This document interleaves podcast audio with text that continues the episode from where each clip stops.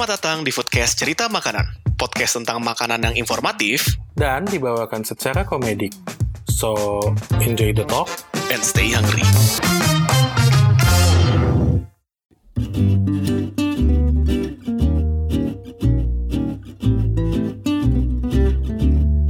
Kembali lagi di Foodcast Cerita Makanan bersama gue Zaki. Gua Anggara. ya di akhirnya di season 3 ini kita mau mulai beramanya nggak ada lagi. iya nih, aduh. Ya. Mau disclaimer dulu nggak Zat? Disclaimer apa tuh? Si Brahma eh, ayahnya lagi di rumah sakit, jadi teman-teman mohon Oh iya. bantu doanya supaya cepat sembuh. Ah, betul. Jadi kalau sekarang beda sama yang kemarin. Kalau kemarin kan Brahma sakit. Yang Hmm. kebetulan lain sama kejadian ada teman kita yang lain lah yang goblok banget tuh itu. Oh iya iya. Iya. Tapi, kalau sekarang ini beneran nih, beneran beneran. eh, Iya. Kayaknya Brahma lagi sakit ya. Kita bantu doakan saja yang terbaik. Semoga Brahma bisa segera comeback. Amin. Sementara itu Anggara mengkudeta lagi. ah, padahal season 3 ini kita akhirnya mulai lagi dengan logo baru Anggara gila. Anggara logonya keren banget nih Gar. Wah iya dong. Tema-tema ala Jepang gitu. Ala-ala Jepang. Nanti kalau gue sih di season 3 ini palingan mau ngebahas ada beberapa hal juga sih. Ini buat para lapar kan udah dua minggu ya kita gak, gak ada episode yang talknya kita dan juga untuk konten yang tahu nggak kemarin gue bikin yang konten Citos tuh pas gue lagi di Di mana tuh di Jogja ya? lagi di Purwokerto nggak salah gue di Purwokerto Oh di Purwokerto. Eh, ini jadi mungkin kayak di season 3 ini kita di awal-awal kita mau ngebahas what's happened in the past two weeks lah dua minggu ini kemarin kita ngapain kenapa kenapa kita Hmm. lagi ambil off season dan juga kenapa gue juga tahu nggak kemarin kan harusnya gue ada konten tahu nggak tapi gue skip juga nggak bisa ngerjain tapi untuk konten sekarang udah bisa jalan lagi. Ya nih kita ngedit hari minggu pagi. Hopefully gue kelar ngeditnya malam ini. Karena besok juga gue udah kerja di tempat lain. Jadi ya gue takutnya nggak kelar ngedit. Eh nggak sempat ngedit kalau besok gue ngerjainnya. Wah capek ya pak. kenapa tuh? Capek dong anda berarti. Heeh, ya se- semoga lah cepat kelar ya. Makanya nih episode kayak kali ini jangan terlalu panjang ya. Sebisanya kita aja nih ngedit kasihan para lapar kangen. Tapi gue juga kangen ngobrol juga sih. Jadi di episode ini kita what's happened in the past two weeks lah. Tapi pas lagi kemarin di break season apa tuh Jak yang lo lakuin Zak? Break season kemarin kerja. Kerjaan juga Masih gua. kerjaan. Ta- tapi kerjaannya sekalian liburan juga lah. Oh, oh di bawah liburan. Masih masih kerja juga. Tapi kerjanya sekalian liburan juga. Nice. Ya, jadi kemarin itu gua eh, road trip dari nyetir dari Uh. Bandung ke Cirebon nggak pakai tol. Terus dari Cirebon ke Semarang pakai tol. Habis itu dari Semarang ke Jogja juga pakai tol. Habis itu eh, di Jogja sat, dua hari. Habis itu gua ada ke Purwokerto. Nyetir dari dari Jogja ke Purwokerto lewat Hmm. apa sih itu? Lewat jalur selatan ke Bumen terus ke Purwokerto sama malam doang di Purwokerto balik lagi ke Jogja. Eh, balik lagi ke Jogja terus ini eh, di Jogja berapa hari lagi? Terus baliknya ke Semarang lagi Cirebon lagi Bandung lagi. Gitu. Oh, oh baliknya lewat jalur yang sama berarti. jalur yang sama. Eh enggak tapi kalau pas pulang gua dari Jogja ke Semarangnya hampir nggak pakai tol. Gue cuman tolnya dari mana ya? Gue lupa. Pokoknya gue lewat ke arah Magelang dulu lah. Hmm. Ah, pokoknya gue lupa lewat Magelang terus pokoknya baru masuk tol tuh kayak pas masuk tol 15 15 sampai 30 menit tuh nyampe Semarang. Tapi nggak mungkin dong Anda di sana nggak kulineran. oh tidak mungkin. Jelas Wah. kulineran dong Ini nih, saya pengen denger ceritanya nih. tapi saya kulineran tetap menjaga protokol kayak waktu di Cirebon tadi saya mau ke nasi jamblang Ibu Nur Apa tuh? Itu apa tuh nasi jamblang? Gue belum tahu malah. Oh jadi nasi jamblang bunur tuh ya sebenarnya nasi jamblang kayak agak gimana ya nasi tapi dipakai daun jati eh bukan daun jati daun apa ya gue lupa jenis daunnya apa dibungkus pakai daun gitulah buat disajikannya tapi ya kayak makanan-makanan gitu ada lauk-lauknya terus sebenarnya gue salah satu yang gue paling suka di sana tuh perkedel kentang ada perkedel kentang enak lo kalau misalnya mau ngecek nasi jamblang bunur tuh pernah gue bikin kok di kuliner dadakan kontennya traveling dulu di YouTube ada pernah gue bahas Oh. sama Brahma juga Oh ini gue search dia pakai daun jati ya. Ah ya daun jati kok ini. Nah bener daun jati. Nah itu eh, waktu kuliner dadakan gue ke sana tuh gue suka tuh. Nah ke- kemarin ma- kemarin pas gue ke Cirebon ke sana udah mau makan tuh. Pas gue liat anjing rame. Gue udah udah pengen BLT kan. Ogah gue lagi kayak gitu. Akhirnya gue ini lagi. Gue ke akhirnya cabut. Nggak jadi makan di sana. Nyari nasi jamblang yang lain aja. Yang penting bisa Oh. nasi nasi jamblang terus cabut. Ke Semarang. Nah di Semarang yang gue paling amazed banget. Kenapa tuh? gue akhirnya makan tahu petis yang proper. Widih. Yang asli nih, yang asli sekarang nih. asli. Widih. jadi ada namanya tahu petis prasojo Prasojo. Nah, tahu petis Prasojo itu ada di Simpang 5. Jadi waktu di Semarang, eh gue ke Simpang 5 tapi nggak begitu rame, Eh, sepi bahkan tuh kayak puja ya kayak puja sera gitu lah kayak food court gitu. Mhm. Tapi udah nggak begitu rame di sana karena lagi pandemi masih ini kan masih situasi pandemi juga. Cuman udah mulai jualan, udah boleh makan dine in juga di situ di puja seranya. Jadi gue beli dan tuh juga pas makan cuma berapa orang gitu di puja sera segede itu. Jadi masih gue masih berani lah makan di situ. Itu dong. Tahu petisnya gila. Uh, enak banget petisnya Uh. berasa, bawang putihnya juga berasa banget. Uh. Gua awalnya cuman kayak kan gue berempat berlima atau itu ke sana. Gue gua ke sana ber, ber- berempat, tapi di sana ada ketemuan sama Oh ini Gar sama Cesar yang di Semarang. Jadi kemarin tuh tim-tim yang Oh. pemilu IA ITB kemarin gue kunjungin semua tuh. Oh lu kunjungin Iya. semua tuh. Iya di Semarang gue ketemu sama Cesar juga. Nah pas di sana Hmm. gue makan uh, tahu petis prasojo gue makan kan anjir awalnya cuma mau ngicip doang satu biji gitu Hmm. terus langsung mau nambah nambah yang lain ada nambah satu nambah satu gue nambah lima atau nambah sepuluh gitu Waduh. Nambah nambah nambah abis langsung jualannya dia. Uh, tapi sumpah itu enak banget. Nah makanya gue habis tuh gue merasa belum puas makannya. Gue sampai meniatkan pokoknya kita pulang ke Semarang lagi. Gue pengen beli tahu petis lagi. Gitu. Cuman akhirnya ke Jogja. Nah di Jogja juga ah di Jogja justru karena gue sambil ada kerjaan gue kulinernya nggak begitu banyak tuh. Hmm. Jadi kayak Lupis Mbah Satinem aja padahal penginapan gue relatif deket tuh dari Lupis Mbah Satinem. Tapi gue gak ke sana karena si- sibuk kerjaan juga. Terus apalagi ya yang gue di Jogja ya gue kangen gue ke Sagan eh, tuh ke sana terus juga apalagi sate kelatak Pak Bari itu juga gue nyoba waktu di Jogja. Apalagi ya banyaknya gue ini sih pakai GrabFood soalnya gue juga karena lagi ada kerjaan sama males juga kalau ke tempat-tempat yang ramai jadi gue pesan-pesan aja. Yang penting bisa ngicip ada terus sama di Purwokerto juga oh pas ke Purwokerto gue ada makan nama sate ambal juga tuh sate ayam gitu Sate ambal. iya namanya ambal dari daerah ambal gitu sate ayam tapi gue menurut gue di situ highlightnya bukan sate bukan sate ayamnya Apa tuh? jadi di situ ada sate kambing Aha. tapi cara makannya nggak kayak sate kambing gitu yang kita tahu Apa tuh cara makannya diapain tuh? Diinjek dulu atau gimana? Enggak dong.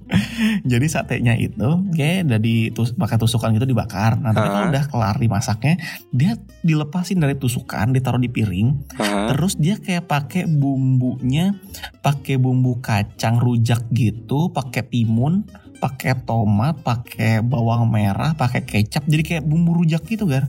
Oh itu dicampur tuh. Dicampur. Oh. Nah, habis itu di sampingnya dikasih juga ada kayak kue gulai kuning gitu. oh. Itu satu set tuh jadi sate kambing kayak gitu gue pas gue makan eh anjir kok lucu gitu sate kambingnya Unik unik unik. Kayak gue tertarik sih.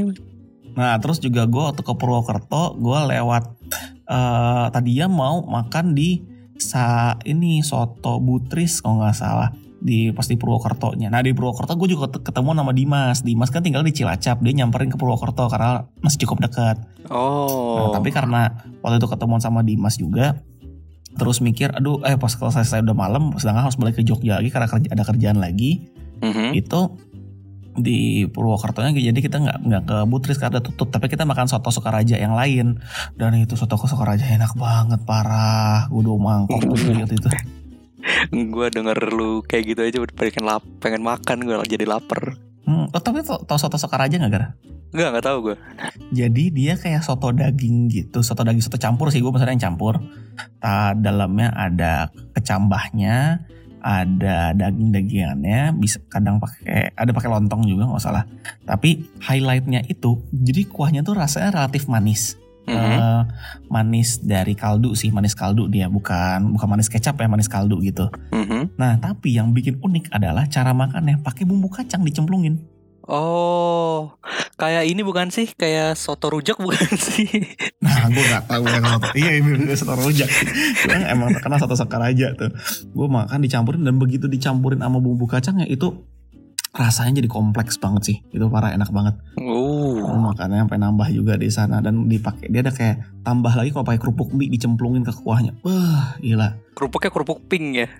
ah dia pakai kerupuk pink sama eh, di situ juga ada kerupuk mie bisa ditambahin lagi ikan Oh. mesin gitu tambahin kerupuk mie nya terus eh, lebih enak lagi kalau pakai mendoan juga di situ wah itu Uh. terbaik sih enak banget Sumpah jadi lapar gua. nah pas arah baliknya kan tuh udah malam tuh arah baliknya kita lewat daerah namanya Sumpiu nah Hmm. Di daerah Sumpiu itu ada juga terkenal sate bebek Sate bebek. Uh, wah, baru tahu gua sate bebek. Serius. Heeh, seriusan sate bebek dan ca tapi baik lagi sate bebeknya nggak kayak sa- cara sate. Jadi Hmm. dia ada satenya tapi juga ada bumbu yang kayak semacam kayak kayak ntar gue lupa ada bumbu kacang nggak ya? So eh, bumbu kacang kecapnya nggak ya? Gue lupa soalnya gue nggak makan itu. Tapi katanya kalau nggak salah ada kuah gulenya juga. Uh, cuman itu sate nggak jadi kemakan gara-gara kenapa? ada kejadian. Eh, Jadi apa nih? jadi pas arah balik ah, pas arah baliknya itu gue tuh rencananya ada mau beli eh sebelum ke sate bebek itu dari dari abis makan soto soto raja mau ke sate bebek tadi kita lihat kan kenyang tuh satu isi satu mobil. Kita lihat dulu di di sumpiunya kita bakal udah agak lapar belum? Kalau misalnya belum ya kita bungkus makan di hotel. Oke. di penginapan aja pas udah nyampe Jogja nanti. Kan lumayan tuh dari Purwokerto-nya ke Jogja kan lumayan hampir 4 jam. Jadi harusnya adalah ruang. Meski itu tuh sampai kita makan di itu aja pas makan soto sokarajanya udah malam sih udah habis isa singkat gua. Jadi kayak mungkin nyampe Jogjanya kayak jam 12 masih bisa nyemil-nyemil dikit lah. Belinya cuman seporsi isi 15 tusuk aja buat berlima kayak buat icip-icip aja seorang tiga tusuk tadinya tuh dan gue masih mikirnya sate bebek ya kayak sate aja jadi bisa dicemilin juga di jalan Hmm. Cuman ternyata ada kuahnya.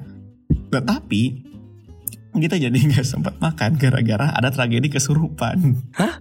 Sumpah. ada tragedi kesurupan. Jadi ada rute di mana yang kita pas berangkat pertama kali ke Purwokerto Mhm. itu kita nggak lewat sana karena kata Google Maps nyuruhnya belok kanan. Cuman kata yang ada yang orang Purwokerto satu mobil juga bilang lurus aja soal biar jalan gede aja. Oh ya udah malam juga nggak macet ya udah lewat sana. Nah, Mhm. tapi waktu arah pulang karena kita diburu waktu mau buru-buru ke Jogja juga. Jadi gue udah ngikutin Google Maps nah, tem eh yang di orang Purwokertonya gue lupa tidur atau gimana nggak nggak kalau kita lewat jalan yang motong. Nah di jalan yang motong itu sepanjang nyetir gue udah ngerasa kagak enak. Mhm. Terus di di belakang juga udah ada yang ngasih kode ada ada ngasih kode-kode bahwa tempat sini agak rada-rada horor. Nah, nah terus ada kejadian yang habis gue beli sate bebek eh, dari pas kita udah lewatin jalan yang horornya itu, jalan horornya udah lewat masuk ke jalan utama lagi. eh, itu buru-buru nyari apa sih Alfamart dulu buat istirahat bentar. Habis itu lanjut lagi beli ke Sumpiu beli sate bebek.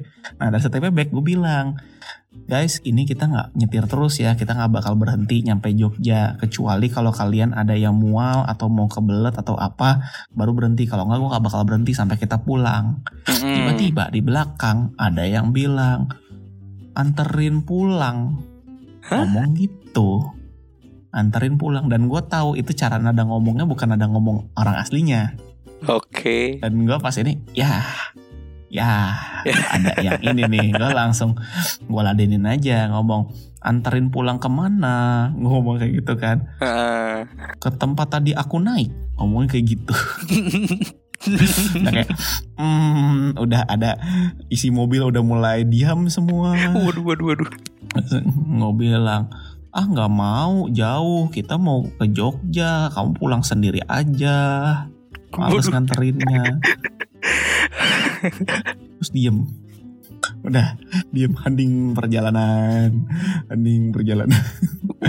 Ngeri ngeri sedap lah itu. Waduh, waduh. ini ini bukan did you see what I see. Iya ini bukan podcast lu Yusuf I see ya tadi mungkin gue agak edit background musiknya ah nggak usah lah bisa diri sendiri gitu. Atau jangan-jangan lu masuk ke desa penari, Jak. Ah, nah enggak jadi terus abis itu pas kejadian itu gue nanya ke eh, apa sih kan nyokap Laras sama orang daerah sana juga ceritain ada kejadian itu Hmm. pasti kasih tahu emang lewat mana kejadian itu dia bilang Ya iya kamu ngapain lewat jalan situ? Itu mah tempat dulu tempat buang jin.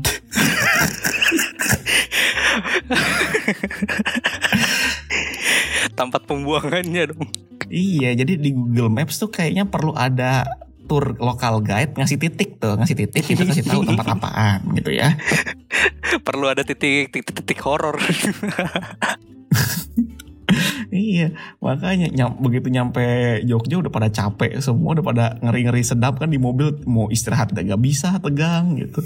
Jadi sampai hotel langsung pada istirahat, satenya dibiarin sampai besok. Tapi pas besok paginya sebelum gua urusan kerjaan gue nyobain itu enak gar sate bebeknya juga enak empuk banget Hmm. empuk gurih padahal udah dingin loh sate bebek gue udah gak kebayang tuh kalau misalnya masih matangnya masih baru matang tuh kayak bakal enak banget terus juga abis itu apalagi ya gue di Jogja ada sate Pak Bari di sate uh, Pak Bari juga ketemuan sama Mas F. Hmm. uh, Mas Firman ke sana juga ketemuan. Jadi emang ini uh, tawaf gue nyamperin tim pemilu kemarin.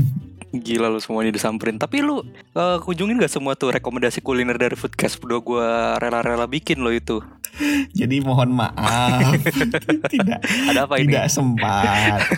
Tidak sempat saya kunjungin semuanya Aduh padahal saya sudah pengen tuh ke sana cuman ya gimana waktunya agak-agak ini susah pak saya di sana schedule-nya lumayan ketat juga karena kan ada kerjaan juga gue di sana ada proyekan juga jadinya nggak sempet Hmm. ngerjain ini nggak usah sama keliling cuman yang nostalgia gue aja kayak lumpia Samijaya terus juga Hmm. Uh, oh lumpia Samijaya makan langsung di Malioboro emang terbaik sih tuh. Waduh Kalau oh, gudeg sagan, gudeg sagan sih tetap lah gue makan. Oh ada satu, salah satu nih. Bagus bagus bagus. Ada satu lah, ada satu gudeg sagan. Tetap. Itu. Itu terus apa lagi ya? Udah sih. Balik ke nah pas gue balik ke Semarangnya, gue ini pas gue balik ke Semarang, guanya itu gue datang eh, lebih lebih pagi. Jadi si tahu ternyata baru tahu kalau tahu petis Prasojo itu bukanya sore. Oh Jadinya gue nyari tahu petis lain yang buka pagi. Tahu petis yang lainnya itu ada tahu petis Yudhistira. Gue nyoba beli aja tapi menurut gue masih enakan yang Prasojo sih soalnya gue suka yang rasa bawang putihnya kuat. hmm. Yang di Yudhistira nggak eh, lebih eh, udangnya lebih berasa, cuman peti, eh, bawang putihnya kurang berasa. Jadi gue agak kurang suka. Cuman masih enak juga tetap. Nah sekalian beli ini ada lumpia Mbak Lim kalau nggak salah ya gue coba tuh ada lumpia Mbak Lim. Mbak Lim Itu enak sih, ada lumpia kepitingnya. Mbak Oh. Liem kalau nggak salah. Kepiting Ya, ada lumpia Semarang isi kepitingnya. Itu enak sih, akuin enak. Itu terus balik, ya udah. Habis itu ya lumayan inilah. Lumayan ada sempat healing tripnya juga ke pantai Parangtritisnya juga. Soalnya pantai yang terdekat kan Hmm. gue kerjaan baru kelar sore juga. hmm. Mau ngejar sunset. Yang kalau misalnya eh ke pantai Gunung Kidul juga nggak bisa karena yang pantai Pasir Putihnya dari Gunung Kidul Gunung Kidul masih tutup juga karena lagi masih corona kan masih pandemi. Hmm, oh iya Tapi kalau misalnya Parangtritis udah dibuka, cuman juga di sana sepi juga, anginnya juga kencang di sana jadi aman lah gitu. Hmm, Nice trip nice trip Gila loh gue gak diajak. Ya gimana gar kerjaan juga gue ke sana. Itu juga karena kebetulan gue sama uh, sama Lara sama teman-teman kantornya juga, ya itu gue sebut kebetulan sekalian mereka juga ada mau ke Jogja juga. Cuman Hmm. gue mikir gue daripada pakai kereta gue ketemu sama orang-orang gue gak kenal juga kan lebih resiko untuk tracingnya lebih susah. Ya udah gue mendingan satu mobil aja. Wih keren sih Satu mobilnya sama orang-orang yang minimal satu trip aman Keren sih keren sih dan sudah aman semuanya juga negatif semua. Tenang. Gila loh Liburan Mantap mantap mantap. Keren keren keren. Ya nyelip-nyelipin lah, nyelip-nyelipin deh tengah-tengah sibuknya kerja sebelum hektik kerja lagi. Ya karena gue juga mulai hari ini juga mulai besok saya sudah mulai kerja di tempat lain. Wah Gila sih. Bakal hektik sih lu nanti. Udah mau ngedit Kerja lagi kerja juga. Ya semoga lah di ini. Tapi untungnya di startup yang gue kerja sekarang aman lah masih bisa gue masih diperbolehkan untuk ada project kan kayak podcast kayak gini jadi tetap insya Allah aman lah kita tappingnya buat rekaman. Mantap mantap Nah tapi kan itu kan baru dari gua tuh. Kalau dari lu sendiri dua minggu kemarin gimana Gar? Kata-katanya lu kan lu sakit tuh. Oh iya Gue gue duh Kemarin sih Dua minggu kemarin Agak berat sih buat gue Karena gue sakit sih Ada gangguan syaraf tepi di bagian kanan. Jadi otot-otot gue yang di bagian kanan tuh dari kepala sampai kaki tuh kayak lemas buat kesemutan. Apalagi di bagian kepala ya kepala tuh sakit banget di bagian kanan. Hmm. jadi akhirnya gue mutusin buat off dulu kerja terus sama mumpung foodcast lagi break season jadi gue manfaatin dulu waktu buat istirahat Hmm. tapi nggak istirahat nggak full istirahat sih jadi kayak nikmatin buat ngepost ngepost reel sama TikTok di foodcast udah ada TikTok loh Widih Wih, ngeri loh. Gue udah follow loh tik- TikToknya. wah terima kasih Bapak Zaki mah followers masih sedikit sih jadi ya nggak begitu lu bagus lah Gak apa tapi Reelsnya kaget. Itu gue lagi nyetir di mana ya? Gue lagi nyetir dari Cirebon ke eh, kalau nggak salah dari Cirebon ke Bandung deh arah pulang tiba-tiba handphone gue notifnya kenceng banget tang tang tang tang banyak banget apaan nih gue liat podcast cerita makanan reels ah Anggara bikin konten reels ternyata langsung dong kontennya langsung rame reelsnya Anggara Wah, saya mendapati janji dong. Di Hmm, episode hmm. kemarin kan Anda sudah minta-minta saya untuk update reels dong. Mm-mm. Ya, tapi ada satu updatean yang saya agak kesel sebenarnya liatnya. Apa tuh? Apa tuh? Yang mana? Jadi ada postingan yang view-nya sih play-nya ada 107 sih, nggak nggak seviral yang lain-lain lah yang sampai 6 ribuan segala macam. Cuma ada satu postingan tuh Apa tuh? yang bikin namanya spaghetti babat anduk. Itu gua ngeliatnya rada emosi sih. Karena kemarin-kemarin tuh gua beliin ada babat yang enak yang jadi rame banget gara-gara Next Carlos ke sana. Itu gue udah bela-belain gue beliin gue vakum seal gue kirim ke Bekasi pakai travel. Oh, dikirim dari Bandung ke Bekasi. eh dari dari Bandung ke Bek- dikirim dari Bandung ke Bekasi pakai travel udah di frozen juga kemasang frozen padahal orangnya nggak jual kemasang frozen. Gue sampai dengan vakum seal sendiri frozenin sendiri demi Anggara bisa merasakan babat yang super enak dari Bandung yang am- am- bisa viral juga di Bas Next Carlos. Dibikin spaghetti babat anduk dong. Coba jelaskan motivasi lo apa tuh? Gak ada motivasi sih. Gue pengen yang unik aja gitu. Gue bosen kayak babet, babet cuma digoreng ya, pakai nasi udah, pakai sambal. gue pengen nyoba sesuatu yang baru gitu. Kayak gue pengen kemarin pengen buat rasanya cuman ah rasanya babat tanduk terlalu terlalu berat sih kalau buat gue. Jadi akhirnya bikin Hmm. yang simpel-simpel aja jadi spaghetti saus bolognese pakai babat anduk with mozzarella. Hmm. Tapi sumpah itu enak banget. Lu harus nyobain Zak nanti gue kirim kapan-kapan. Mau nggak? Gak usah, makasih. Sumpah. Gue nggak expect ya kan. gue pengen, gue iseng-iseng pengen buat eh, spaghetti tuh, spaghetti babat handuk. Mm-mm.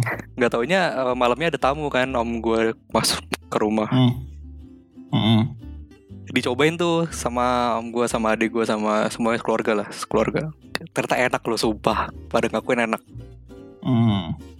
Eh, besoknya nama lu masih di kartu keluarga nggak garbis? Ka- barangkali itu. Jadi pas bilang enak enak terus pas udah kelar nih yuk coret yuk anggara dari kartu keluarga yuk. Yuk, yuk, coret yuk.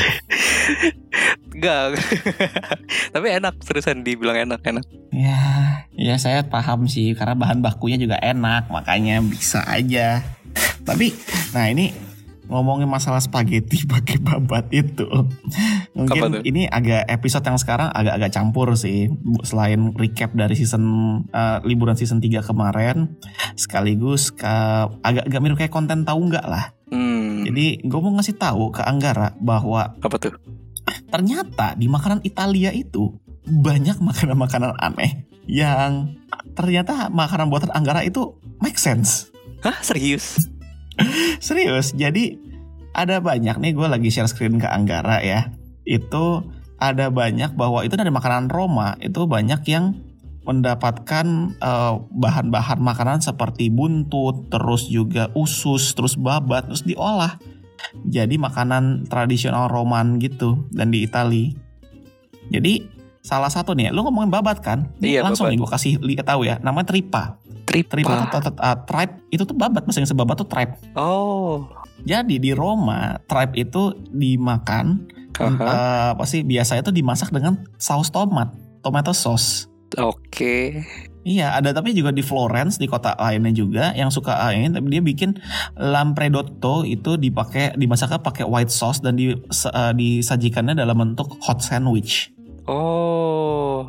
Iya, jadi ada nih, nih namanya tri, eh, tripa alla parmigiana. Jadi itu tradisional Italian dish, jadi babat di dari daerah Emilia Romagna itu dibuatnya dengan pakai ini, pakai babat, pak, terus butter sama pakai keju Parmigiano Reggiano. Nah, jadi babatnya direbus, du, eh, direndam, direbus, terus dikeringin, dipotong kecil-kecil, habis itu dimasak pakai butter. Oh. Terus habis itu ditambahin pakai keju, terus dibiarin sampai keju meleleh. Jadi dan itu eh, rasanya agak-agak pakai tambahan tomat, eh, bawang bombay, base eh, daun basil, terus parsley, rosemary atau juga pepper. Jadi itu ternyata ada mana tribe tuh. Wah.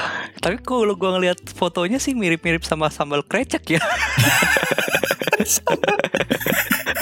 Serius mirip loh, kan ada sausnya merah tuh. Habis itu ada pakai kayak semacam daleman ya, daleman. Daleman itu tuh mirip sambal krecek. Tapi bedanya pakai keju sih dia, pakai keju, saus tomat. Ya, jadi banyak nih ada namanya torcinelli. Torcinelli itu pakai ususnya dari domba. Oh, aku kok mirip mirip ulat sagu ya? Serius loh, ulat sagu dibakar ini. Nih lebih lagi nih. Ini apa nih? Stigiola.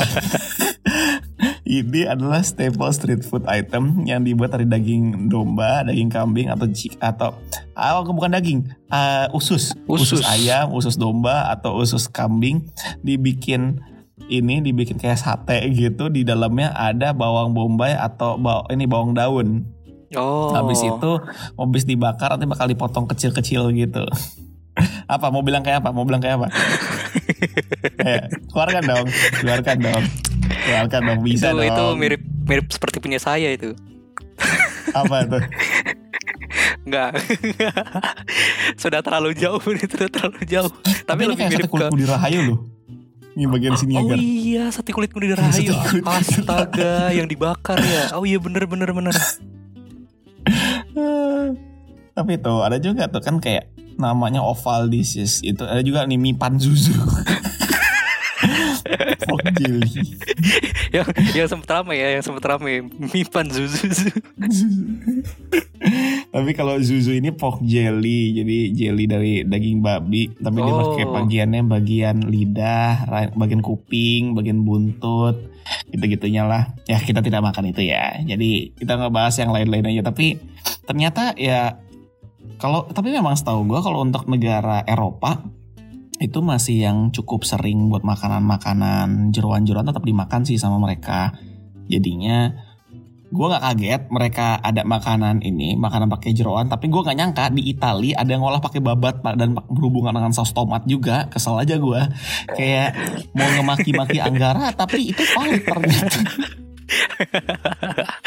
gue juga cukup kaget loh. Ternyata di Italia itu selain terkenal sama pasta sama spaghetti sama pizza, ternyata dia juga ngolah babat sih. Jadi menurut gue, gue bangga sih bikin spaghetti babat. Gue berarti orang babat. secara secara nggak langsung. Aduh.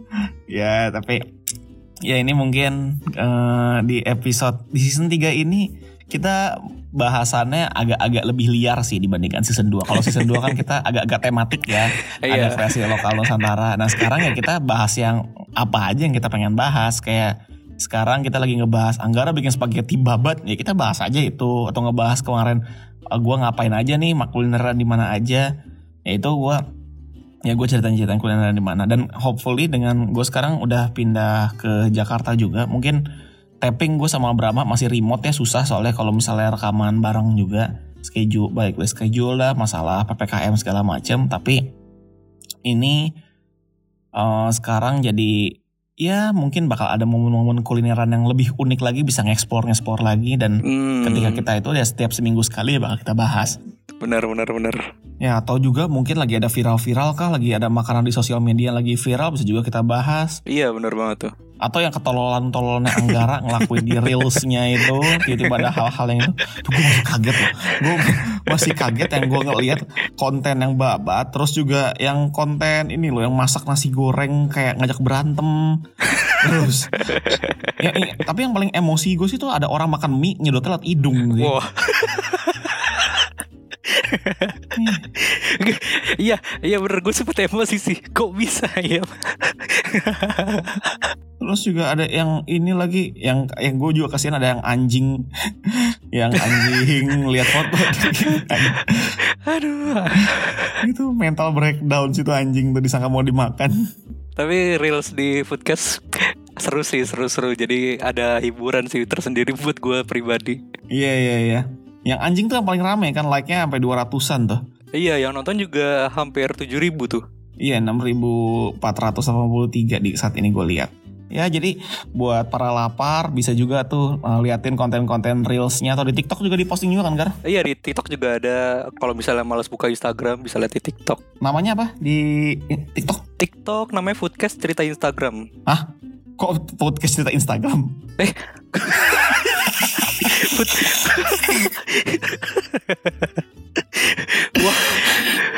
Wah, sudah mulai tidak fokus ya saya. Maksud saya podcast cerita makanan. Nah, ya di TikTok namanya podcast cerita makanan. Jadi buat para lapar yang punya TikTok bisa juga di follow ngeliat-liat kontennya. Hmm, Dan itu ya Anggara bakal ke depannya makin bakal makin banyak juga lah konten-konten yang lucu-lucu terkait dunia kuliner. Jadi hmm. follow aja terus juga bisa lihat konten-konten di sana. Itu aja sih kayaknya buat episode yang comeback kita sekarang nggak usah terlalu lama karena balik lagi kita masih mendoakan uh, semoga ayahnya Brahma cepat sembuh juga jadi kita bisa Amin. tapping lagi.